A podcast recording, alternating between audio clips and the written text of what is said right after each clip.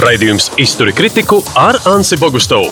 Spraiga viedokļu apmaiņa par aktuāliem notikumiem un sabiedrībā valdošiem mītiem un stereotipiem.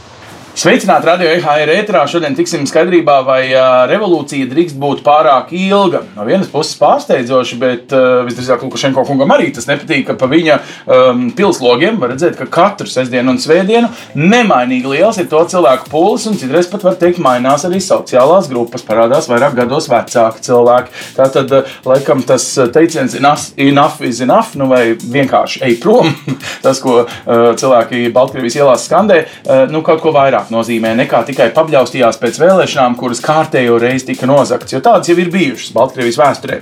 Man ir divi politologi, sāksim ar dāmu. Evīte Jatkoviča ir uh, Latvijas ārpolitikas institūta uh, pētnieks. Uh, ja, tā tad uh, nu, cilvēks, kas ar patiesībā arī ievirza Austrum Eiropa un visas tās valstis, kuras uh, mēs reiz saucām par savām brālīgajām republikām. Uh, tieši to pašu dara arī Andris Kudors, uh, Austrum Eiropā specializējies politologs.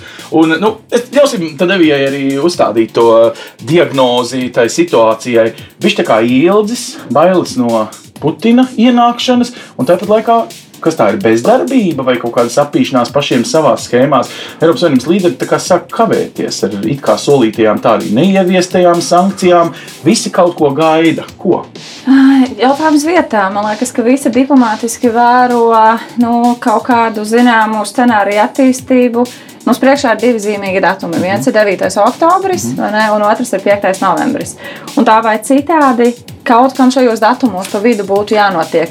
Ko gaida cilvēki uz ielām? Es domāju, ka viņiem šobrīd īpaši daudz nav manevra iespēju, izņemot divus variantus. Vai nu mēs tomēr pāraugam par tādu represīvu, tomēr militārā hunta iespējams, bet pagaidām izskatās maz ticams. Mm -hmm. Vai nu, jā, nu, tad cik ilgi var tajās ielās stāvēt, pieņemot, ka nekas īsti nemainās, tuvojas ziema. Kaut kas ir ieildzis, un arī pagaidām tā ziema spēlē par labu Krievijai. Ne? Jo tad gā, gāzes un naftas piegādes var novājināt vai savukārt kaut kā pabarot to nāciju, kas pagaidām ir ielās, kā teikt, bezdūrainīšiem un šalītēm. Nu, jā, bet no otras puses mēs taču saprotam arī, ka, teiksim, nu, mēs redzam, uh, Ziemā ir arī tīri praktiski iemesli, ir augsti. Ir Jā. pietiekami sarežģīti pulcēties, un nu, tomēr mm. kādreiz ir jāsāk arī strādāt un mm. nu, tā intensīvāk pašiem par sevi rūpēties. Un, tad Lukašenko ideja būtu nomērdēt līdz ziemai, tad nosals paši. Pašiem tā demokrātijas griba kaut savā, kur sasals. Savā ziņā, jā, es domāju, ka tās zināmā taktika varētu būt tomēr vilkt laiku un, un meklēt to īsto iespēju, kad pašinaugurēties, un tur ir zināma piesardzība, bet īpaši daudz laiks nav palicis. Man no. šķiet, ka kaut kādam risinājumam uz vienu vai uz otru pusi kaut kur vajadzētu. Tad iespējams kaut kur fonā notiek kaut kādi dīli, nu, ir kaut kādas pazīmes, tur daudz skaļāk ir sākusi runāt te vai jau saskaņot ar rietumiem kaut kādus saukļus un teicienus. Arī nu, opozīcija, lielākā daļa no viņiem gan ir jau faktiski ārpus valsts. Iespējams, ka viņi dzird tikai ārzemju medijos pat ne vietējos, sazina, kā. Eh, nu, kādas vēl pazīmes tu saskati? Nu, Lukašenko sāk atsaukt vēstniekus no attiecīgajām, starp citu, rietumu valstīm, piemēram, Latvijas. Nu, tā tad dedzina tiltus vai ko? Eh, tad, kad eh, Lavrovs pirms kaut kāda laika pateica kaut ko pozitīvu par miermīlīgiem protestiem, Krievijas mhm. ārlietu par miermīlīgiem protestiem Minskā, tad bija skaidrs, ka Putins bija pateicis par otru koridoru pusi, jeb tādu barjeras barjeru. Tā proti bija tāda, ka ja ekstrēmisti sitīs logus, daudzīs bankas, var sakot, kaut ko trakos pa ielām, tad Krievija varētu pat arī ar Jā. to militāro palīdzību pat nākt. Tātad koridors bija uzzīmēts. Tad, ja uzzīmē koridoru, tas nozīmē, no viņa nedrīkst iziet ārā. Nedrīkst iziet ārā, tā tad ir plāns kaut kam pārējai. Un es piekrītu, ka te ir tāds laika vilkšanas jautājums, un uh, ilgi, ilgi var notikt. Habarovs, kā mēs redzam, ilgi, ja 50 dienas. Bet tas nevar būt bezgalīgi, to gan mēs varam spriest. Un datumi, es piekrītu kolēģi, jā, ir svarīgie gan ar to termiņu beigām, gan arī inaugurācijas lietām. Un es domāju, mierīgi nebūs, būs turbulence, bet uh, es ticu, teikt, hipotēze tāda, ka Putins Lukašenko atbalstīs tikai noteikti laiks brīdītī. Mm. Jautājums, cik garu? Viņš nedrīkst rādīt, ka viņš neatbalsta, jo Putins nevar rādīt, ka viņš piekāpjas ielai, vienalga kurai, vai Maskavas ielai, tātad protestiem, vai arī Minskas ielām. Jo falsifikācija notiek arī Krievijā, kas tāpēc var drīkst mainīties. Autoritārās Jau valstīs gadiem ne. nedrīkst. Kā teica Lukašenka, kaut kad, ko viņš esot mācījies no Leņķina, ka var esot jātur ne jau trīcošās rokās, ne tur šašiem rokām. Ja? Un, eh, līdz ar to eh, Lukašenka, es domāju, saskaņā ar Kremli ies mēģinās aiziet ar taisnu muguru no šīs visas situācijas. Pēc kaut kāda gada, diviem.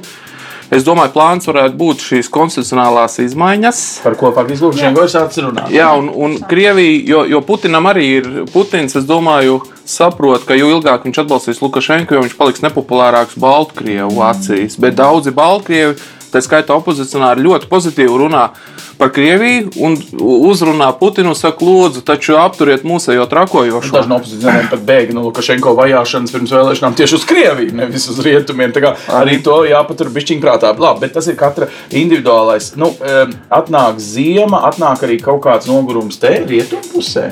Nu, piemēram, nu, es saprotu, ka it kā ir ļaunā Kipra, kas bloķē. E, It kā lai Turcijai ja ir Jā. sankcijas, tad būs arī Ukra nu, Baltkrievijai vai otrādi. Bet nu, tie rietumu līderi arī nu, pakratīja ar pirkstu. Nu, tālāk nekas nenotiek. Netiek organizēts Normandijas sarunas, kā piemēram pēc Krimas okupācijas, taču bija tādas lietas. Jā, šķiet, ka tā reakcija viņa lēnām nāk. Kā mēs zinām, burtiski pirms pāris dienām augstais pārstāvis tomēr ir iekomentējis, ka Lukašenko statusu viņš neatzīst vairs kā leģitīms līderis. Tas ir pirmais signāls. Ja nemaldos, tad šodien vakar Eiropas parlaments ir nācis klajā ar rezolūciju uz tādu individuālu aicinājumu dalību valstīm gan uz sankcijām, gan uz atvieglotu ceļošanas režīmu ieviešanu, gan uz cita veida mehānismiem, palīdzībām. Bet joprojām ir tā sajūta, ka tā, tie signāli ir visnotaļ ā, atturīgi. Viņi ir, ā, viņi ir ieturēti. Kāpēc? Acīm redzot, tāpēc, ka joprojām Eiropas Savienība ir 27 valstu interešu bloks. Principos Konceptuāli mēs esam vienoti, bet tur, kur mums ir nacionālās intereses, ko demonstrē arī Kipra, viņai ir savas intereses. Ja jūs nenākat pretī šeit, kāpēc lai es nāktu tur? Tā nav mana centrālais ne interešu reģions. Tātad Baltkrievija, e, mēs varam teikt tā, mums te ļoti uztrauc. Bet pats kā kontinentam tā nav tāda cena, tāds e, mirklis, tāds vēsturisks iespēja izraut no Krievijas lāča nagiem šo mazo, pats man ne mazo. Ungārija ir tikpat liela, cik Baltkrievija. Nu, iedzīvotāju skaita ziņā, ne ekonomikas ziņā. Nu, tādā ziņā nav vajadzīgā politiskā grība iet tūciņā ar lāci. Tā varētu būt. Un šķiet, ka Baltkrievija arī austrumu partnerības kontekstā no austrumu partnerība ir bijusi Latvijas vai Baltijas prioritāte un Baltkrievija to starp. Bet nu, tādā plašākā kontekstā, jā, nē. Tā, Nu, tad tā sanāk, mūsu skaļie darbi te no Baltijas valsts polijas viedokļa, uh, principā, nu, gandrīz neatbalsojas rietumos. Piekrist tādam Atbalsojas, bet ne tajā mērā, kā mēs to vēlētos. Un, protams, Baltijas valsts, jā, Polija, nu, Zviedrija, Austrum partnerībā arī ir ar kaut kādu interesi, jo vismaz saprot, kas tas par reģionu ir, kas mēs esam un kas ir vēl tie, kas ir blakus mums. Bet es domāju, kopumā rietumu kolektīvie ir nokavējuši kā parasti tagad. Eh, Jo tā, tad, kad pirms vairākiem gadiem mēs te no, no Baltijas puses, un sevišķi no Latvijas, bijām ar attieksmi Nestumiet, nestumiet Lukašenko tik stipri, iestumsiet Putina rokās. Tad tajā laikā vēl bija inerts, un tad vēl bija lielāka kritika, un tāda Eiropas Savienības normatīvā ārpolitika ar to, ka, nu, kur ir jūsu cilvēktiesība demokrātija, ko mēs, protams, arī atbalstam šīs visas lietas. Bet, Bet eh, nu, nebija jēgas kliegt uz viņiem, jo Baltkrievija no tā demokrātiskāk nepalika. Tagad, kad viņiem ir sapratuši, ka nevajag kliegt, nevajadzēja. Mm -hmm. Tagad, kad Baltkrievi paši ir pateikuši, mēs nevēlamies šo režīmu vairs, tad ir otrādi. Tagad vajadzēja steidzami atbalstīt uzreiz pamatīgi. Tad, tad es redzēju tajās sevišķi pirmajās dienās mm -hmm. tādu inerci, ka viņi gāja vēl pēc tā un tās izskanēja, ej, ej, tagad uh, negrūdīsim Lukašenko pārāk stipri būs Putina rokās, bet tas bija pa vēlu. Jau. Ja Latvija ieturēja šo pragmatisko ārpolitikas kursu attiecībās ar Baltkrieviju, tāpēc, ka bija redzams, ka Baltkrievi paši nav gatavi uzņemties atbildību un, un pāriet uz demokrātiskāku iekārtu. Un mēs neesam tie, kas maina režīmus. Un nav jāmaina režīmi. Bet tad, kad viņi paši ir parādījuši, e, Baltkrievi paši, milzīgā skaitā, priekš Minskas, tas ir neticami skaitļi, kas pašlaik tur ir. Tas ir vienkārši neticami. Tas nozīmē, ka tas liela, īstais atbalstītājs skaits vēl lielāks ir jā, pārmaiņas.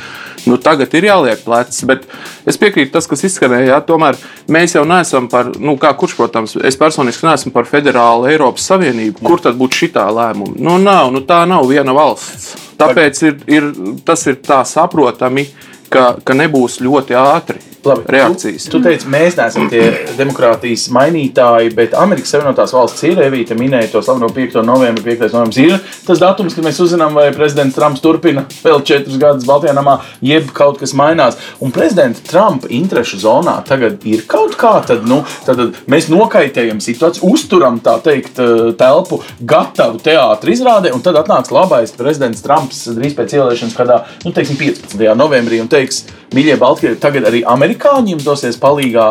Trumps, Trumpa tā politika, viena no iezīmēm ir tāda nekonvencionāla politika. Tad viņam neinteresē nekādi iepriekšēji ietvari. Ja viņš skatās, kas šobrīd, kas pēc viņa prāta ir Amerika, ASV nacionālās intereses, pēc tam arī dēļ, ja? kaut vai šonadēļ, pēc tam arī rīkojamies. Uh, kas bija noticis ASV politikā pret Baltkrieviju, tad 18. un 19. gadā sākās atpūstas no ASV puses. Kāpēc? Tāpēc, ka bija līdzīgi kā šeit. Bija līdzīgi kā teiksim, daļā no Eiropas, kas vēroja, saprata, ka nav vērts klaigāt. Tur režīms nemainās. Viņiem pietiek ar subsīdijām no Krievijas. Pietika. Un tāpēc nav vērts klaigāt. ASV eh, arī tādā ziņā Trumpam bija vienalga iepriekšējais. Trumpam neinteresēja Eiropas Savienības normatīva ārpolitika, tātad tā, kura ir demokratizējošā kaimiņu valsts. Eh, tad Pompeo taču jau izrādīja, ja, aktivitātes, šī, šīs atklāsmes bija. Un tagad viņi ieraudzīja, ka tas vīrs, ar ko viņi sāk būvēt attiecības, viņš jau nav leģitīms vairs. Un līdz ar to būs izmaiņas arī ASV ārpolitikā, viņas jau ir. Jā, bet te ir tas mirklis arī, kur uh, mēs gribētu palīdzēt. Latvijas valdība ir pieņēmusi pat skaistu lēmumu. Mēs pat dažus pārsimtus uh, tūkstošus eiro, vai ne? Un tas nav maz salīdzinoši ar teiksim, mūsu līdzinējiem tādiem ziedojumiem pasaules problēmās. Nu, bet mēs faktiski viņus nemaz nedrīkstam tā pārskaitīt. Tur cilvēks ieliek cietumā par eh, naudas saņemšanu no ārzemju aģentiem, un tad ir vienalga vai no Amerikas vai, vai no Latvijas. Nu, tad mūsu vispār darbības, nu, kaut kāds, eh, tu teici, to koridoru, mums ir vēl kaut kas, ko mēs varam darīt. Mēs jau esam, var teikt, ieviesuši sankcijas brīdī, kad neviens cits viņas neievieš, tikai mēs kaimiņi. Es domāju, ka pagaidām mēs esam, ja tā var nosaukt, mēs esam uzlikuši šīs attiecības ar Baltkrieviju uz zināmas pauzes. Mm -hmm. Mēs no vienas puses, jo man liekas, tas arī atslēga vērts ir, ka mēs neesam pagaidām pateikuši Lukašenko nē. Un mēs tā pašā laikā neesam pateikuši jā arī nevienam citam, ne Cihanovskai, ne vēl kādam citam. Un šeit vispār par tiem finansu darījumiem, ja tā var nosaukt, rodas jautājums, kādiem precīzi mērķiem mēs viņus pārskaitām. Šķiet, ka jā, tur varētu būt atbalsts mēdījiem, tur varētu būt juridiskā palīdzība, bet, manuprāt, Finansiāli mēs nevaram iet uz priekšu, kamēr mēs nepasakām, ka Baltkrievijas vārdā Lukašenko nevar runāt. Bet tajā gadījumā mēs nonākam tādā konceptuālā pretrunā. Līdz ar to man šķiet, ka šis kanāls īsti vairāk tālāk nav izmantojams, bet ir citi mehānismi, ko mēs vēl varam darīt. Un šobrīd sāk runāt gan Polija, gan Lietuva par atvieglotu, piemēram, vīzu režīmu iedzīvotājiem. iedzīvotājiem, turistiskās vīzas tā saucamās, vai nepalaist vaļā. Iespējams, ka mēs varētu žestikulēt, ja mums tā tiek pasakot, ka no astravietas, pat ja viņi atvērsies vaļā, mēs neko nepērkam. Tas ir simboliski, bet tas ir. Bet tajā pašā laikā es domāju, ka mēs pagaidām arī esam tā teikt atstājuši kāju durvīs. Jo īsti vēl nevar saprast, cik ilgi Lukašenko tur atradīsies. Un, ja mēs ejam par šo konstitucionālo modeli, tad viens no tuvākajiem datumiem, acīm redzot, kad Lukašenko būtu gatavs nākt pretī un runāt par režīmu izmaiņām, ir 22. gads. Un iespējams, ka šis varētu būt arī kompromisa variants visiem pārējiem. Prezidents nāk ar piedāvājumu, vai ne? Nāk ar piedāvājumu, ka es samazinu savus pilnvarus konstitucionālā kārtībā, bet es to daru līdz 22. gadam, kas rada telpu pārmaiņām, bet pārmaiņām arī no citām pusēm. Pārmaiņām, kuras iespējams virza kāds, kas ir ārpus. Piekristu divu gadu smadzeņu skalošanai, lai nomierinātu šos iedzīvotājus, kuri teorētiski ir izskalotām smadzenēm, teorētiski organizēti pat demokrātiskās un varbūt rietumu pat uzraudzītās vēlēšanās, redzētu, kā vēlreiz ievēl ko Kremlim izdevīgāku citu Lukašenko Jā, bet eh, kādas ir alternatīvas? Tad būs jāskatās, kādas būs alternatīvas un eh, nu, precīzāk, ko mēs ar to varam darīt. Ja netiek panākts uh, opozīcijas prasījums pēc ārkārtas vēlēšanām, tad visdrīzāk mēs nonākam pie tā, ka teiksim, visu lielo spēlētāju kompromisa variants ir vēlēšanas 22. Nu, gadā. Man jāatgādina, ka mēs uzturam arī prasību, ka Krīma ir jādod un tūlīt pat, jā, jā. un tas ir jau jā. sešus gadus. Mēs tā, nu, var teikt, mūsu prasības teorētiski vispār nav leģitīmas, jo tā ir suverēna valsts. Nu, ja tā ņem, mēs arī. no malas principā varam tikai iedot idejas. Neko mēs, taču pieprasīt. Vārds pieprasīt nav jau pat pa skaļu. Mēs nemainām režīmus. Vienlaikus starptautiskās attiecībās tomēr režīma atzīšana, neatzīšana nozīmē kaut ko. Ja, pat vesels valstu dibināšanā viena no, viens no elementiem ir, ir, ir savas teritorijas kontrole, varas īstenošana un tā tālāk, identitāte un dažādi jautājumi, bet viens no jautājumiem vienmēr būs atzīšana starptautiskajā arēnā. Tā ka nav tā, ka tas galīgi neko nenozīmē, bet es vēlreiz uzsveru, mēs nemainām režīmus. Es priecājos, ka šoreiz tiešām nevar runāt par rietumu roku, mm. tāpēc ka šis ir reāli pašu Baltkrievu iniciatīva, viņa paša revolūcija. Tas, ko tu runāji, kā varētu būt kaut kāds cits Lukašenko prokremlis, nē, varētu būt kaut kāds cits pašiņans draudzīgs ar Krieviju. Pašiņēns tātad no, Armēnijas, Armēnijas ja? prezidents un uh, Armēnijas modelis, kur uh, notiek demokratizācija. Mhm. Jo armija kritiskā situācijā pārgāja tātad, to mm. protestētāju pusē. Notiek demokratizācija, par ko jau Maskavā redzam, redzam ka jau uztraucās. Jau RT propagandiste Margarita Simoņņana jau tur sāk uzbrukt uh, savam tautietim pašiņanam. Bet uh, Armēnija nevar aiziet prom no Krievijas dēļ Kalnu Karabaha jautājuma. Tad viņiem ir ACS, kā Kremlis mm. viņus tur. Baltkrieviju var turēt saistībā ar ekonomiskiem mm. jautājumiem. Nu, Visas ja? saites tādā ziņā joprojām vādi, gāzes, jā, jā. Vādi, nu, ārējā tirzniecība ne tikai šis, arī šis Nā, pamatā, bet arī Tieši tā, tas ir pie tam, ka viņi pakāpeniski ekonomisko krīžu laikā Krievija ir atņēmusi, nu, atņēmusi nopirkusi. Mm -hmm. Teiksim, Baltrāns gazs vispirms 5%, pēc tam nākamos 5%. Ja soli pa solim viņi strateģiski jau ir strādājuši uz x stundu, kas būs, ja būs, lai tāpat viņi jau de facto kontrolētu Baltkrieviju. Bet, ne, nu, bet tā, te, piekrītot par to, ka atlikto startu 22. gadā jā. nebūs brīvas. Nu kā, es domāju, viņas brīvas, būs... ja viņas būs pilnīgā Krievijas Jā. kontrolē ar izskalotām smadzenēm. Mēs taču dzirdam, ka viņas būs Don Donbasā dzīvo ar izskalotām smadzenēm. Man ir aizdoms, ja, ja būs šis scenārijs, mēs vēl nezinām to, Jā, bet tā ir nopietna hipotēze, ka tā varētu būt. Eh, tad es ticu, ka tās vēlēšanas būs radikāli brīvākas nekā visas līdzinājās, kādas ir bijušas. Viņas varbūt nebūs ideālas, bet viņas noteikti būs brīvākas un noteikti būs starptautiskie novērotāji un tā tālāk. Bet paliek nezināmais. Joprojām paliek nezināmais. Šādi varētu būt, ka tā būs būs, bet mēs nezinām. Šī ir tautas kustība. Tad, kad uh, tautas, fronti, tautas fronts dibināšanā arī visādi vis kaut kas piedalījās, un, gan, uh, un kopumā perestroika, ja pārbūve PSRS taisīja daļēji arī VDK un komunisti. Jā. Viņi uzsāka, viņi inicēja. Bet viņi to, viņi to procesu nenomenedžē. Tas, tas nav iespējams. Jūs nevarat, uh, nevajag skatīties lielnieciski, jeb bolševistiski uz tautu, uz cilvēkiem, jā, kā uz kaut kādu objektu, nevis subjektu. Baltkrievi ir parādījuši sevi, kā, ka viņi ir subjekts, nevis objekts. Viņi mhm. paši veido politiku. Un šis ir nezināmais.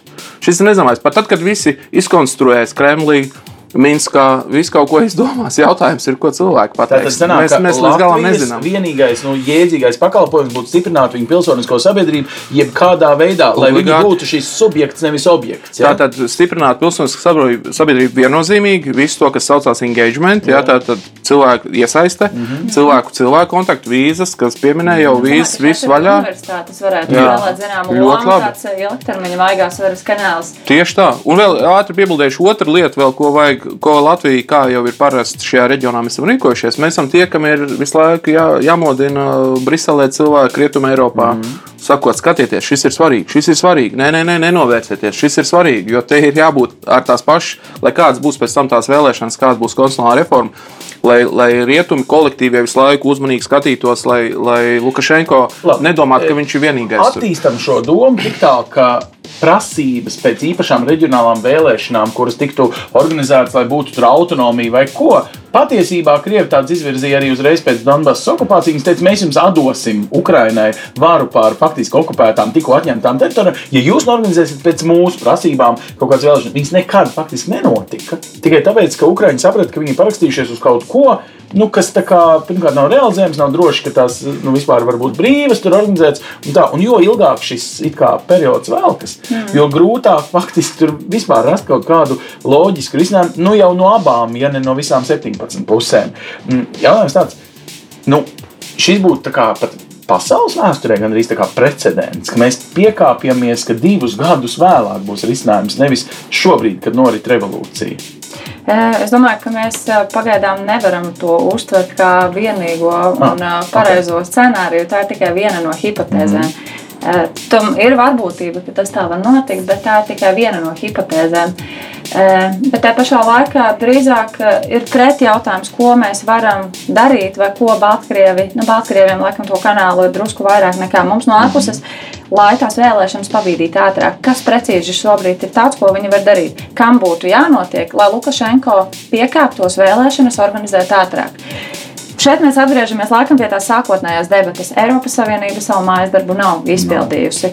Uh, individuāli Baltijas valstu polijas reakcijas, jā, svarīgas, jā, atzīšana, neatzīšana, bet vai Lukašenko tas tiešām sāp? Diez vai, vai viņš ir noskaņots piekāpties. Pagaidām īsti nekas par to neliecina. Ja mēs gan nezinām, ko viņi sočos norunāja. Taisnība, taisnība. Tas ir tāds taisnība, mums faktiski jā. nekomunicētais. Tā, Neviens neiznāca cers, kā teikt, nepateica, es nolēmu šitā. Bet, manuprāt, arī Krievijai ir absolūti izdevīgi vilkt 22. gadu. Viņiem būs laiks. Es pilnīgi piekrītu Kudora kungam, ka Baltkrievijas tauta sāk ģenerēt pati savu politiku, acīm redzot, arī politiskos līderus. Viens varbūt krīt, mm viņš tiek iesēdināts cietumā, dodas trimdā, bet kaut kur jau arī tā pati ņehta un koordinācijas padome ir plašāka nekā tie atsevišķi cilvēki, kas bija priekšplānā. Tā līderība kaut kur veidojas, bet Krievija ir spēcīgs spēlētājs. Nu, lūk, tas man biedē, jo es, piemēram, mēģinu atcerēties nu, tādu līdzīgu precedentu. Krievijas prezidents jau toreiz Putins bija nikns kā lapsen un teica, nekad NATO nedrīkst būt pie manām robežām. Un vienlaikus viņš ļāva tam notikt. Tātad viņa uh, teksti bija niknāki nekā viņa darbi. Vai šoreiz ir kaut kāda vēsturiska cerība uz līdzības saskatīšanu, doma, ka rēķinamies, ka viņš klieks un ālēsies, bet ka viņam, piemēram, būtu interesanti 22. gadā, ja tā var teikt, iztirgot līdz 22. gadam, izdomāt, kāda ir cena un iztirgot pēkšņi Baltkrieviju. Nu, kāpēc viņam tā darīt, ja, ja tā navaga gomeļa ir tik tālu iekšā Eiropā, ka viņam būtu ļoti izdevīgi vēl vienu anklāvu līdzīgi kā Kaļiņģeradu uztaisīt? Eiropai tādu ķīlīti iesaistīt. Jā, šaubos. Visi iepriekšējie gadi vēro vērojot, kā Putins reaģē, ja, ko dara Kremlis, kā, kāda ir Krievijas oficiālā ārpolitika kaimiņu valstīs. Es domāju, tas tā vienkāršojot, varētu pateikt tā, Baltija aizgāja. Mm. Citus vairs nevienu nelaidīsim mm -hmm. prom. Mm -hmm. Un to mēs redzējām, kas notika ar Grūziju. Kad Grūzija reāli pietuvojās iestājai NATO, 2008. gadā bija karš. Ukraina pietuvojās asociācijas līguma parakstīšana Eiropas Savienība, kas nav tik liela lieta. Galu galā tas nav iestājas process, ja? bet simbolisks solis Tātad redzam, kā, kas notika ar, ar Maidanu lietām un tam līdzīgi. Janukovičs toreiz pierunāja, Ukraiņai vajadzēja kaut kāds 15 miljardus šķiet dolārus, un Krievija tad viņus piedāvāja. Ja tagad ir Baltkrievijai mazāks jautājums 1,5, mm. tur bija 15. Nu, Ukraiņa ir lielāka, bet mm. pēdējā brīdī, jo Janukovičs it kā jau solījis, atceros, tuvojās Austrumu partnerības samits 13. gadā Viļņā. Un, un tas eh, Janukovičs līdz pēdējiem brīdim rādīja, ka viņš varbūt parakstīs, varbūt neparakstīs, un grozījās savā iespējams oficiālā krēslā grozītams visu Ukraiņu ārpolitiku. Bet Ukraiņa ir pārāk liela, cilvēki tomēr pārāk mīl brīvību. Viņam neļāva pagriezt visu Ukraiņu ar oficiālu krēslu. Viņš pats dabūja ar vai bez krēsla bēgt projām. Eh, tāpēc es domāju, kas ir, kas ir problēma, kur es pievienojos tām bažām. Mm ir tas, ka Krievija, oficiālā Krievija skatās uz Baltkrieviju militāri strateģiski. Nu, Tātad tikai tā. Un tas nozīmē, ka aizsardzības robeža Krievijai, Kremlim, ir nevis tā, kas ir viņa īstā robeža, bet tā, kas iet ārpusē arī Baltkrievijai. Baltkrievijas dienvidos. Un tāpēc es ne, neparedzu neko vienkāršu. Neko vienkārši, ja, nav, ja nemainās, redz, tā, tā sistēma nav kā fizikā pilnīgi slēgta, viņa tomēr ir ārēji. Mēs nezinām, kas notiks ar pašu Krievijas režīmu, mēs nezinām, kas kā ar naftas cenām un tam līdzīgi. Covid labi, nu, ok, mēs varam domāt, ka viss ies šitā lineāri, un tad mēs uz tā bāzes varam teikt, notiks tā, mēs to nezinām. Ja kaut kas izmainīsies vienā sistēmas Jā. daļā, tad notiks izmaiņas arī citā, tā skaitā arī Kremļa ārpolitikā. Ja turpināsies kā parasti, tad Krievija nelaidīs Baltkrieviju vaļā. Un mēs nezinām, ko viņi darīs, bet viņi nelaidīs nekādīgi. Vienīgais variants. Viņam jau nevajag obligāti Lukašenku. Lukašenku gan viņi var, var ļaut aiziet. Bet viņiem vajadzēs Armēnijas variantu. Armēnijas variantu tātad soft ar Savienotās valsts integrācijas turpināšanu. Es domāju, ka kaut kādā brīdī, ja opozīcija būs kaut kāda redzamāka, taustāmāka un viņi nebūs tik tālu aizdzīti pa visādām valstīm, tad Kremlis viņiem teiks tā.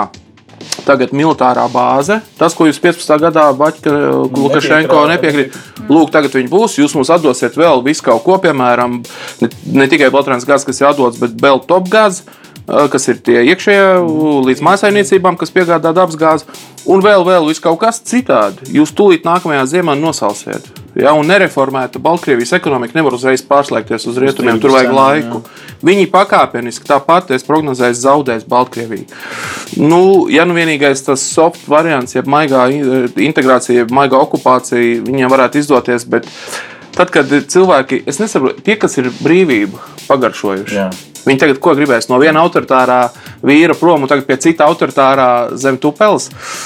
Es šaubos par to. Es pazīstu personiski dažus Baltkrievus, kas ir brīvības cīnītāji un kas, kas nevēlas šo. Es neticu, ka viņi piekritīs Putinam, bet tā vēl nav visa Baltkrievija.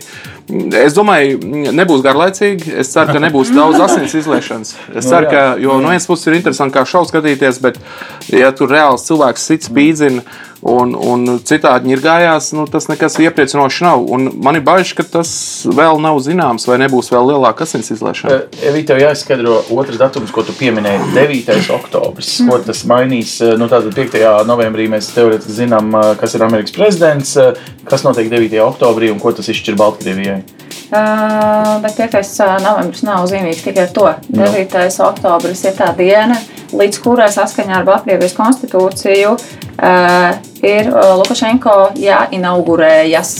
Ja tas tā nenotiek, tad viņa pilnvaras ieliks līdz 5. novembrim, mm -hmm. un tāda automātiski iestājas 81. pants, kas paredz jaunas vēlēšanas. Mm -hmm. Viņas tā vai citādi ir jānotiek 30 līdz 70 dienu laikā.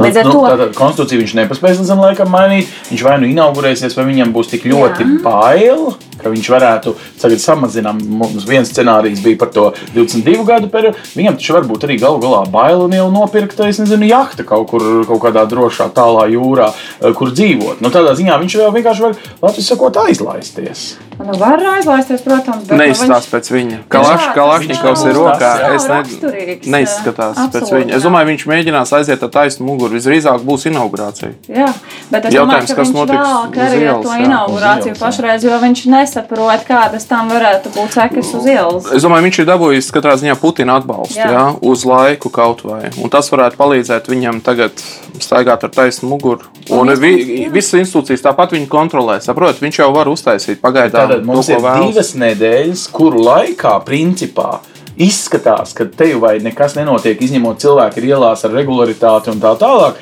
Bet patiesībā kaut kur apakšā, nezinu, cerams, ka rietumu diplomāti štuko kaut kādu scenāriju, kas būtu viss kāds nu, mazāk asins izlējošais, kas, kas vēl būtu svarīgi, ko ņemt vērā, nu, mācoties no kaut kādām vēsturiskām un politiskām kļūdām. Nu, mums no Latvijas nacionāla interešu viedokļa nepieļaut nu, kaut kādu frontālu militāru vai ne sadursmi, piemēram.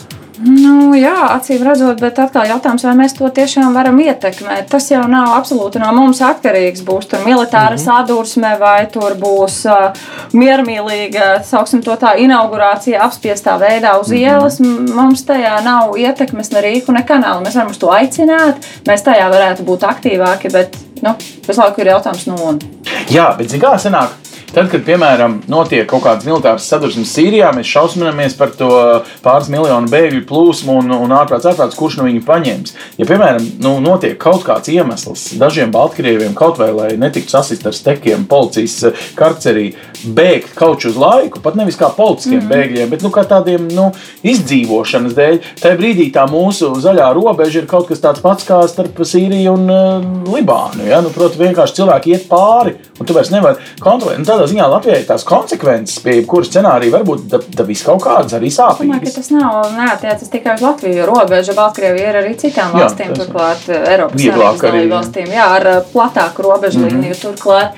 Bet es domāju, ka šī bažas ir pamatota. Pēdējās aplēses liecina, ka līdz pat vienam, diviem miljoniem iedzīvotāju izsver šādu domu, izsver, eh, par ko runā piemēram blogeri un uh, iekšējie tīkli, fórumi šobrīd uh, IT sektorā. Tas vairs nav jautājums par to, kad, bet uz kurieni. Viņi vienkārši meklē labāko, izdevīgāko variantu. Tātad katrs piektais cilvēks, mēs varam arī attiecināt, ka katrs piektais teorētiski ir uzņēmīgs, tad uzņēmēji darbības spējīgs, un tad tas varētu būt arī Baltkrievijas bizness, kas uz laiku grib izceļot, tā teikt, Jā, un es domāju, ka šeit tad mēs varētu meklēt arī tos ieguvumus ā, tam, ka mēs kādu paņemam priekš sevis. Mēs saprotam, ka visdrīzāk tranzīta nozare mums no tā cietīs, bet pilnīgi iespējams, ka mēs kaut ko varētu mēģināt kompensēt.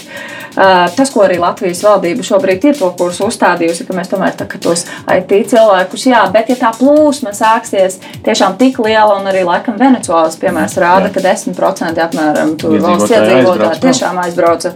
Tad kā ir skaidrs, ka nu, tuvākais, uz kurien viņi dosies, būs Eiropa, tā vai citādi. Vai tam mēs esam gatavi? Es domāju, ka neviens pagaidām īsti to neizsver kā tādu tiešām realistisku scenāriju. Gribas domāt, ka nu, kaut kas tur atrisināsies. Nu kā, mēs jau sapņojam tikai par to biznesa daļu. Atbrauks tie uzņēmēji ar saviem miljoniem un datoriem, ko tālāk attīstīs un uztaisīs mums tas līdz ielai paši neuztaisījām, uztaisīs mums Baltkrievijā. Jā, bet ko darīs visi pārējie, kas vienkārši brauks un kam nav ne tā biznesa kapitāla, ne biznesa potenciāla? Jo valsts sektorā, kas ir rūpniecības sektors, pamatā strādā lielākā daļa iedzīvotāju, bet arī es domāju, ka viņus arī mazliet biedē situācija. Un, nu, ko mēs visi darīsim tad, ja viņi dosies Tagad parādās vēl viens jautājums par mūsu vērtību sistēmu. Jo tajā brīdī, principā, biznesmenis varbūt nepiekritīs man, bet es redzu, ka tas tāds rēderisms. Jums ir foršs bizness, un jums tur ir uh, problēmas ar uh, nu, valdību. Brauciet pie mums, taisiet biznesu. Mēs jau nesakām, pēc tam varēsiet braukt atpakaļ. Mēs jau būtībā, nu, var teikt, viņu uh, sasniegumus pārņemam nu, savā interesu jomā, un pat nesakām, ka tas ir uz mirkli. Es, es saku, ka viņi varēs braukt pēc tam atpakaļ. Nu, labi, tu esi tāds pieklājīgs. Bet, uh, Saprotiet, ir, ir rotācija, ir tāda lieta, migrācijas procesos, šur tur mēdz būt rotācijas uh, migrācija. Mm -hmm. Tā pašā pēc, kad, kad Latvija bija okupēta un pēc laikā uh, te uzturējās kopumā, te padzīvoja daudz vairāk nekā vēl palika, ja, jo bija, bija migrācijas Jā. process, ro- rotēja ja, šurp turp. Uh, Es domāju, mums, es te neredzu īpaši ētisku problēmu, tāpēc, ka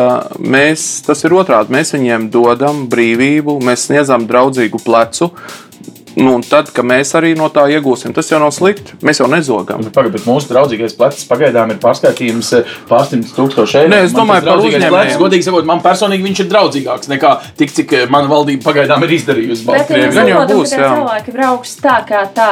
Jebkurā gadījumā viņi brauks, Jā. kāpēc lai mēs nebūtu tik laipni Jā. un uh, neatvērtu viņam arī savus Viņas- netēlojam, Viņas ja, sadalīsies. ja. Turklāt sadalīsies. Es domāju, Polija būs valsts, ja, arī, ja, ja būs ne tikai uzņēmēji, bet vispār būs kaut kādi, nedod Dievs, bēgļi ja, vai, vai arī vienkārši um, migranti. Mm. Tad daļa uz Poliju, kur jau viņi ir daudz, uz Lietuvu, daļa, kur jau viņi ir, nu, uz Latviju arī droši vien. Nevis droši vien, bet un noteikti arī uz Latviju, bet par to skaitu jau mēs nezinām. Es domāju, ka runājot par vērtībām arī. Parasti, kad runā par kaut kādu kontrolēto migrācijas procesiem, nu, tad skatās, lai tie cilvēki būtu daudz maz līdzīgi kultūras ziņā, izglītot arī. Es domāju, Baltkrievija kopumā, ja tā uz vidējo skatāmies, ir diezgan izglītoti. Mm. Mentāli līdzīgi latviešiem. Nav vienādi, bet nav arī jābūt. Bet tādā ziņā līdzīgāk nekā varbūt tur mēs atrastu kaut kāds cits tāls, tālu dzīvojošs tauts. Uh, Salīdzinoši disciplinēti. Ja, tur, es domāju, es arī nesen pirms kāda laika runāju ar vienu pazīstamu žurnālistu no Baltkrievijas, kurš arī ir noskaņots revolucionāri tātad par, par demokrātiju, par brīvību. Viņ, viņš izvirzīja tādu hipotēzi, ja, ka, nu, ka Baltkrievijas demokrātija arī ļoti labi jutīsies. Jo, Kur es viņam, es viņam piekrītu, arī, jo demokrātija strādā tur, kur ir pašdisciplīna, mm -hmm. tur, kur ir bardaks hauss, mm -hmm. tā tad arī cilvēku galvās, mm -hmm. tur prasās stingrā roka. Jo demokrātija prasa, ka cilvēki tomēr paši kaut kā disciplinējas, un likuma vara nevar darboties, ja nav vispār tāda izpratne, ka nu, mēs vienojamies, ka tas likums ir svarīgs.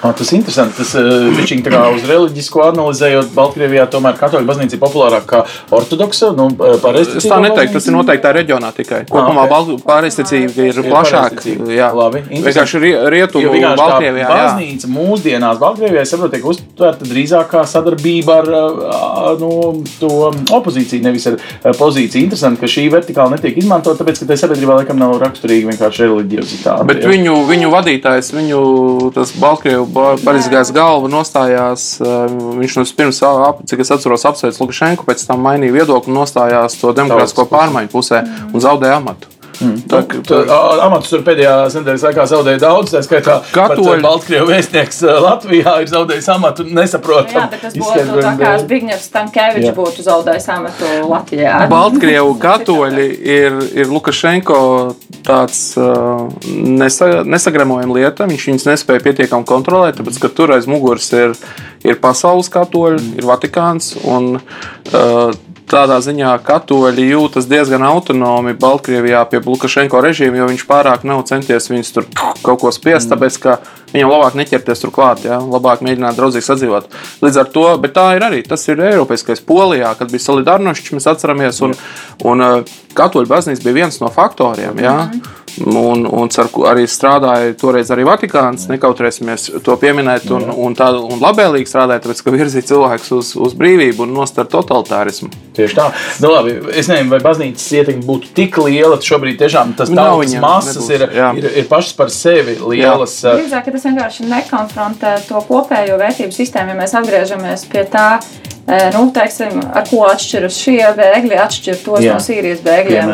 Nu, tad, nu, lūk, šī reliģiskā prizma arī nekonfrontē mūsu pašu iekšējās nostājas. Bet man jautājums jums, kā politologiem, varbūt ne pat par, par ārpolitiku, tagad domājot, bet vienkārši kā nu, politiskā vērtību sistēmā parasti ir lielāks izaicinājums, mainās arī cilvēku reakcija. Kā jums liekas, nu, zinot, cik ļoti noraidoša Latvijas sabiedrība bija pret bēgļiem teiksim, no tuviem austrumiem, pirms cik sešiem gadiem. Ja?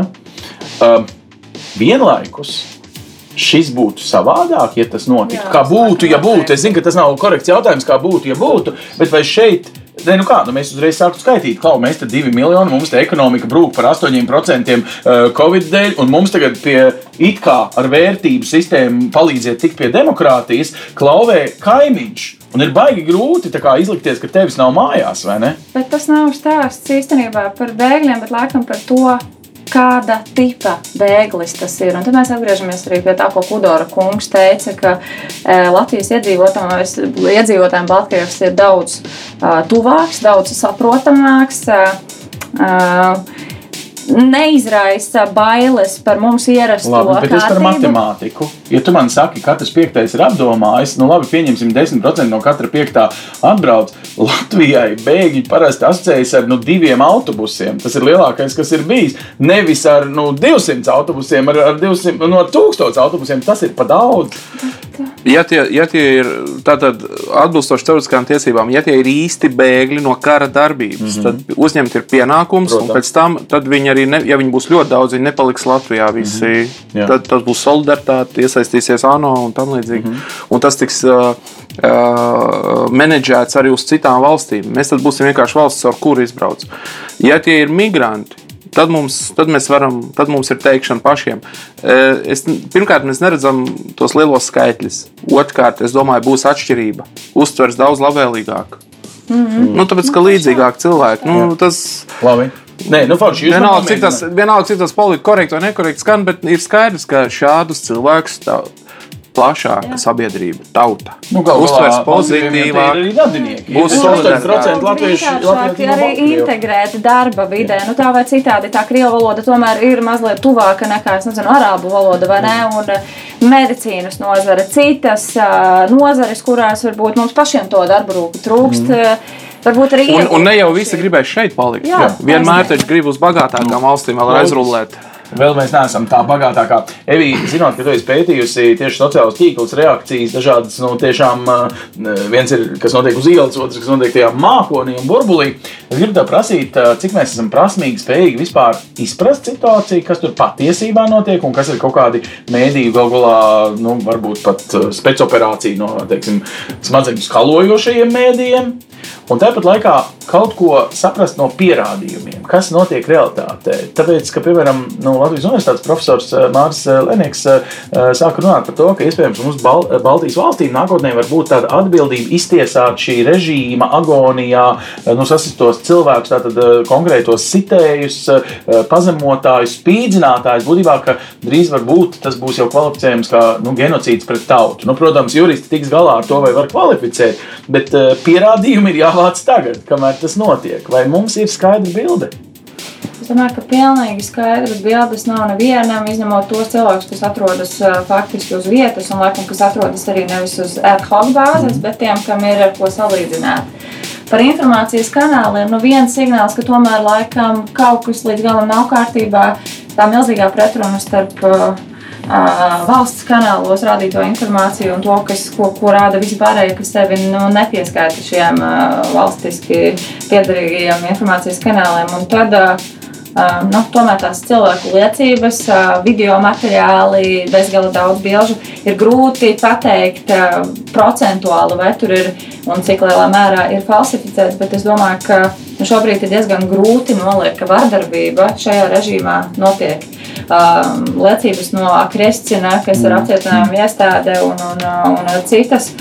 Nu, viennozīmīgas atbildes nav, bet nu, tam, kam es sekoju visvairāk, laikam, līdzi ir ņemta. Protams, var strīdēties, uh, cik tur arī ir tā informācijas objektivitāte vienmēr klātesoša, bet tā pašā laikā tu vari minūšu, minūšu laikā izsekot, sekundžu laikā patiesībā nu, no dažādām Baltkrievijas vietām. Nu, tie kadri ir visnotaļ iespaidīgi. Un, drīz vien iespējams tiešām mēs varēsim runāt par tādu vai citādu veidu genocīdu. Mm. Tā nu, notikumu arhivēšana mūsdienās kaut kādā mērā pazemo arī uh, līdz brīdim, kad tas jau man apnika tai Baltkrievijai sekot. Es esmu dzirdējis no kolēģiem presē tādu teikumu, atkal mēs runāsim par Baltkrieviju. Tad eh, vēl jau nu, tas ilgušais nu, bezrisinājuma stāvoklis tagad rudenī mm, kaut kādā mērā iemidzina mūsu sabiedrības modrību. Mēs jau, kad Čečenijas kara laikā pirmajās nedēļās uztraucāmies par kritušo eh, skaitu, tagad, godīgi sakot, neviens nepateiks, cik tā toreiz krita. Jo vienkārši apnika. Katru dienu televizors par to formāli vārījās, bet tā vairs nebija svarīgākā ziņa. Un beigās arī televizors par to pat nestāstīja. Bet cikot, no tāda sabiedrības nomērdēšanas viedokļa, kurš tur varētu būt vinnētājs vai zaudētājs, nu, ja šeit notiek tāda pieradināšana pie tā, ka cilvēki ir ielās. Redz, ko darīt? Te tu neko neizdarīsi. Ja? Te ir, es domāju, svarīgākais būs vai paši Baltkrievi kaut kad ies uz lustrāciju, ko viņi skatīsies, ko viņi darīs. Pašlaik diskusija jau notiek, viņi sākusies, jo ir tie, kas saka, ka nē, nevajag. Ir, ir tie, kas saka, nu nē, tur bija reāli noziegumi. Un, un tas tiešām ir, ir ārkārtēji redzēt, ka cilvēki bez atpazīšanās formām, jā, vienkārši džinsenēs un nāc jakās, laupa cilvēkus uz ielas. Ne, neko nepasakot vispār. Tas ir šis notiek 21. gadsimtā mūsu kaimiņu valstī. Nolaupa cilvēkus pa vienam vienu, tur tas skaits, viņš jau palielinās. Daļa mēs pat nezinām, kur viņi ir. Jā, ir par tiem, kur ir izsakojuši līdzi, ir kur tuvinieki, vēl kaut kas. Bet, uh, Nu, saprotu, te ir Hāga, te jau Latvija. Tad nebūs. Mēs drīzāk esam. Hāga paskaidro, varbūt līdz galam, kas Nē, ir Hāga šai kontekstā. Starptautiskās tiesības, lai tie, kad uzaicina tiesību eksperts, lai viņi stāsta par tām tiesām, jā. bet, bet uh, noziegumi pret cilvēci, ja tas būs daudzskaitlīgi, mēs jau nezinām. Pašlaik tad, nu, skaits nav tik liels, lai būtu tā, ka Eiropā mm, smadzenes uzsprāgt cilvēkiem. Ja? Mēs esam tuvāk, mēs visu uztveram asāk, bet viss, kas vēl var būt, var notikt uh, trakas lietas. Tur, ja? Lukašenko ir noskaņots ļoti kaujinieciski. Ja no šī koridora tā, tas, kas notiek uz ielām, un, un jautājums, viņus jau var izprovocēt citi, tur mēs nekad nezināsim, kas tagad ir tie, kas banku daudz, piemēram. Mm. Tas, ka Putins uzliek šo kā tādu robežu, viņi ir ļoti vienkārši pārkāpjami. Nu, protams, viņi, jebkur... Putina paša spēcdzienēs var padaudzīt banku vai ne, un izlikties par opozicionāriem. Piemēram, ja, un tas, ka var tiesāt, kā Serb... mēs redzējām Serbijas notikumu cilvēks pēc tam tiesāt Startautiski, jā, līdz tam arī var aiziet, bez šaubām. Un Lukašenko arī varētu tiesāt. Es domāju, ka jau tagad būtu pietiekami daudz noziegumu. Ir cilvēki, jau, kas ir nogalināti uz ielas, ir video ieraksti, kur nogalina cilvēkus uz ielas vai iešauj, iešauj žurnālistē, kas vienkārši stāv maliņā. ir nofilmēts, kā iešauj, iešauj kājā. Šķiet, jā. nu, te, te, jau tur ir pietiekami. Vienkārši tur vajag tiesību eksperts, kas par to lai runā, kas ir tā mūsu sadaļa Latvijas kopumā. Mēs drīzāk esam tas tād, morālo jautājumu uzturētāji. Mm. Un politika ir arī par šo. Jā. Mums ir jābūt tiem, kas saka, jau stop, stop, neaizmirstiet, lūk, redziet, kas te bija. Un... Mazās valsts ir par vērtībām. Uh, Klau, bet tagad, ja par vērtībām, rekur uh, Andris pie, piesauc to piemēru ar Balkānu kāru. Tad bija viens mirklis, kad bija nu, principā NATO iesaistījās brīdī, kad jau paši saprata, ka ir nokavējuši un tomēr kaut ko mēģināja glābt. Nu, principā tur bija masu slepkavības. E, kā, kurā brīdī vispār ir kaut kādas gradācijas, kā tas e, tiek izsvērts? Vienkārši nu, mans jautājums apmēram tāds ja šeit NATO iesaistās, viņi pārkāpj pašu principu, ka viņi ir aizsardzības organizācija. Un tiešā veidā, principā, tas ir karš ar Krieviju, vai ne? Nu, tad viņš nekad nenotiks tieši tāpēc. Domāju, tāpēc mums ir jāizdara viss, lai, ja nu, tomēr nu, tas ir atkal maz ticams, un mēs ļoti cerēsim, ka nu, tur nekas tālāk neeskalēsies, bet tur ir jāmeklē citi militāri mehānismi, ja tādi ir atrodami. Tas pats mēs iesākām diskusiju par ANO drošības padomu. Tur ir citi izaicinājumi, atkal, kā mēs zinām, veto tiesības Krievijai un ne tikai. Mm -hmm. Bet principā NATO nav formāts, ar ko risināt šo, šo konfliktu arī pie Um, eskalētiem cilvēktiesību pārkāpumiem, manuprāt. Jo tad mēs taču. Ja tauta palūdz, ja piemēram 150 tūkstoši Baltkrievu ielās kādā sestdienā sauc ne tikai Uhaģi, Lukašenko, bet, bet arī Prihaģi, Natovskij sīli. Kādām juridiskām tiesībām aizsardzības organizācija Baltkrievija nav dalība valsts uz kāda juridiskā vai tiesiskā pamata. Nu, it kā NATO dažreiz dažas operācijas ir veikuši ar ANO sankciju. Nu, tādā ziņā apvienotās nācijas. Tas bija Afganistānā. Afganistānā Jā. NATO darbojās ar, ar ANO sankciju drošības padomus, tāpēc ka tur Krievija nebija pret un Ķīna arī tāpēc ka visi saprot, jo visiem, jo tas bija apdraudējums visiem. Veto šai domai. Tikai tādā trešajā valstī, kas, kur, kur lieliem spēlētājiem sakrīt viedokļi, tad kā Afganistānā, tad viņi var piekrist, jo Krievijā Afganistāna ir arī dienvidu drošības izaicinājums ar narkotrafiku un visām citām lietām. Līdz ar to es neredzu, ka tā, NATO varētu kaut ko darīt. Karš ar Baltkrieviju tas nozīmē karš ar kolektīvo drošības līguma organizāciju, Jā. kurā ir arī Krievija, kura viņi tur ir dominējošā valsts. Baltkrievija tur neko aktīvi īstenībā nav bijusi. Tad, kad viņi izveido tur kaut kādus mobilos spēkus, uh, Neatceros, kāds bija skaits, 1600 vai cik tā mm. karavīri Baltkrievija nepiedalījās. Un Lukašenko ir runājis ar lieliem burtiem, ka viņš nesūtīs savus karavīrus uz Kazahstānu enerģētikas jautājumu dēļ par kaut ko tur karot, no nu arī uz Centrālā Āzijā. Mēs zinām, ka tur ir visādi asumi bijuši. Mm. Jā, arī starp Uzbekistānu un, un Kirgistānu un tam līdzīgi. Un, un, lūk, tā tad. Nu, bet sanāk tā, Putins NATO nerunā par ārējo. Baltkrievijas dēļ īsumā. Nu tā. Nē, nē, NATO, NATO karos tad, ja Baltkrievija uzbruks NATO. Nē, nu, jā, bet, to mēs neparedzam. Un arī mēs tuvākā laikā neparedzam, ka Krievija uzbruks. NATO pati neuzbruks ne Baltkrievijai, ne Krievijai pašreizējā situācijā. Runa var būt par ANO, bet tur, kā jau tika skaidrots, ANO drošības padomu nenostrādās, tāpēc ka būs Krievijas un iespējams arī Ķīnas veto uzreiz. Viss. Te nav, te, te šoreiz es neredzu, ka kaut kas varētu militāri attīstīties. Lukašenko gribētu, ka viņam ir ko rādīt, ka ir kaut kādi notikumi pie robežām, kur naidīgie rietumi kaut ko dara un provocē. Nav nekas. Viņš mēģināja mūs ar vārdiem provocēt pirms pāris nedēļām. Viņš stāsta vairāk to iekšējai auditorijai, ka Viņš runāja to savu virsnieku, savu armijnieku klātbūtnē un teica, ka viņš saprot, ka esot, kāds tur esot no viņiem izteicis, ka esot uztraukums par to, kas notiek aiz robežām. Nekādu uztraukumu, nekas nenotiek. Bija smieklīgi sižeti Minskas kontrolētajos TV kanālos, kur, kur runā, ka pie Baltkrievijas robežām Kadagā Kad no, NATO tur ādaži, kad, tur, kā Kadagā pie Baltkrievijas robežām esot dislokācija spēku NATO. Un, Nu, okay. ne, nu, viņi tur ir tiešām, bet viņi ir vienkārši citu iemeslu dēļ. Ne jau vienmēr bijusi. Ne visi Baltkrievi ieie, ieies, teiksim, tur Google mapu vai kartēs un nepaskatīsies, kur ir kāda. No otras puses, tas viss vienalga ir blakus mūsdienu militārā darbībā. Ja runa par kaut kādiem avio spēkiem, nu, tas viss ir blakus. Mm -hmm. Bet, nu, vienalga, tas ir, tas ir tāds izmisīgs. Putins, cikot, tad, eh, Putins mani, neatbalstīja, ka- tad, kad, tad, kad Lukašenko runāja, piedod, Lukašenko runāja, ka lūk, reku tur aiz bracāņa ruža, bracāņa ruža aiz robežām. Putins nekur neatsaucās. Putins, kad runāja par to, kāpēc viņi varētu iesaistīties, bija iekšējie faktori, kas, ar citu, nav KDLO tad jautājums īstenībā. Viņam vajag ārējos, bet Putins saprot, ka tas būs smieklīgi, ja viņš teiks, ka, ja viņš mās ar galvu, tad, kad, Put, tad, kad Lukašenko stāsta, ka NATO taisās tur ie- iebrukt, nu, Putins druskuļi vairāk ciena sevi, lai tādas glupības runātu. Jā, jā. Es domāju, ka šeit mēs paralēli aizskārām vienu citu jautājumu. Mēs, mēs sākām meklēt eh, tiesībā iespējas apstādināt vardarbību. Ne? Sākāmies ar NATO, pēc tam ar ANO. Eh, Bet Jā. Jā. drīzāk šķiet, ka nekādu ārēju mehānismu pagaidām šeit nav. Un drīzāk ir jautājums par to, vai kaut kurā brīdī spēka struktūras tomēr nevarētu lūst, un kas varētu būt tas katalizators, kurā brīdī viņi tomēr maina to savu Kad tam nostāju. mazdēlam apniks to savu vecmāmiņu ar Tieši savu tā, steku zvetēt, jo prezidents tā lika. Tieši tā šķiet, ka kaut kāda virzība arī šajā virzienā notiek, jo lēnām sāk tikt publicēti šo cilvēku. Tie, kas atdod pavēles, tie, kas fiziski atrodas uz ielām, sāraksti ar vārdiem, uzvārdiem, dzīves vietām. Un, uh, pietiekami drīzā laika posmā iespējams, ka Baltkrievi atpazīs savus līdzcilvēkus šajos sarakstos. Bet vai ar to pietiks un vai tas. ā, tā teikt, lauzīs bailes no tā, kas notiks tad, ja režīms nemaz tik ātri nekritīs.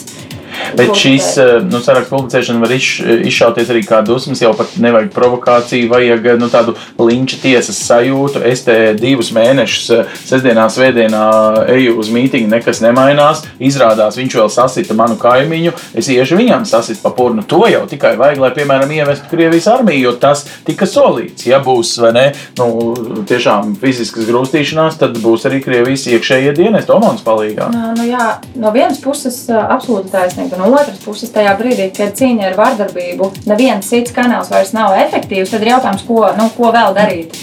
Šeit vismaz vari tā teikt, apelēt. Mēs arī redzam pēdējos protestos, ka tiešām šo OMON pārstāvi, kas vairs nav traferētajos apģērbos, lielākā baile ir tikt atmaskotiem. Tajā brīdī, kad viņam norauj to masku un ko tajā varoņu gājienā dāmas sāk izteikti darīt, viņas vienkārši mēģina parādīt to seju tam cilvēkam, kas tikto savu vecmāmiņu. Ja? Tā, tā nosacīti runājot. Iespējams, protams, Linča tieši neviens uz to neaicina, bet iespējams, ka nu, šis ir sava veida instruments, vismaz ar to draudēt vai vest pārunas ar ā, ģenerāļiem, kas ā, šīs pavēles atdod, ka nu, jūs tagad padomājiet, ja, kā jūs pēc tam dzīvosiet šajā valstī. Es domāju, redzēsim, ko darīs eh, opozīcija, kas nav opozīcija, kas ir faktiski Baltkrievu tauta. Jo es domāju, viņiem bija cerība, ka Putins pakritīs ar pirkstu Lukašenko un kaut ko viņas aizstāvēs. Tur bija, eh, bija vairāk tādu publisku uzrunāju, uzrunāšanu Putina un mājienu, ka, ka, tie arī koordinācijas padomus cilvēki, ka viņi tagad runā ar, ar, ar Krieviju un arī publiski teica, ka lūk, mēs ticam, ka Putins tomēr savaldīs savu kolēģi un tam līdzīgi, un tas nav noticis. Putins ir parādījis, es domāju, šis ir druskuļi pauze pēc, pēc šī brīža.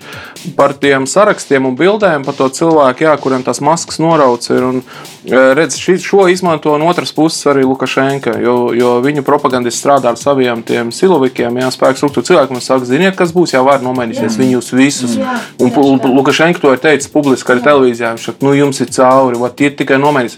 Viņš no tādā ziņā arī īsteno savu smadzeņu skalošanu, lai viņi būtu nikni, lai viņi būtu tā, ka viss mēs šito valsts, jā, mēs neļausim varu nomainīt. Tā ka tur ir koks ar diviem galiem.